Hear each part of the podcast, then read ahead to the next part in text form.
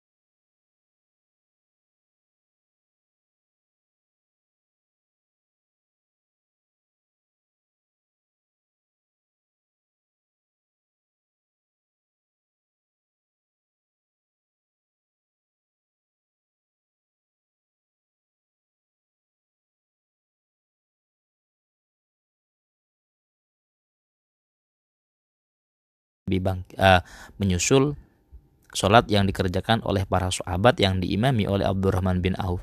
Fa min dalik para sahabat uh, merasa khawatir akan hal tersebut.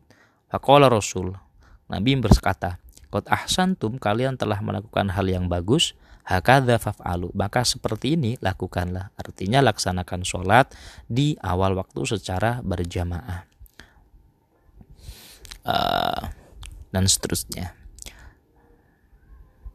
Salisatuha nomor tiga ayat umma mukhlishon lillahi azza wa jalla. Mengimami dengan niat ikhlas lillahi ta'ala wa mu'dian amanat Allah ta'ala dan niat untuk menunaikan menunaikan segala amanah yang telah Allah titipkan fi taharatihi baik itu masalah kesuciannya wa jami'i syuruti sholati dan semua syarat yang telah ditetapkan di dalam sholatnya uh, di antara ikhlas amal ikhlas fabi Allah ya'khudha 'alaiha ujratun maka seorang imam fabi Allah ya'khudha tidak mengambil alaiha karena dia telah menjadi imam untuk mengambil ujrotan terhadap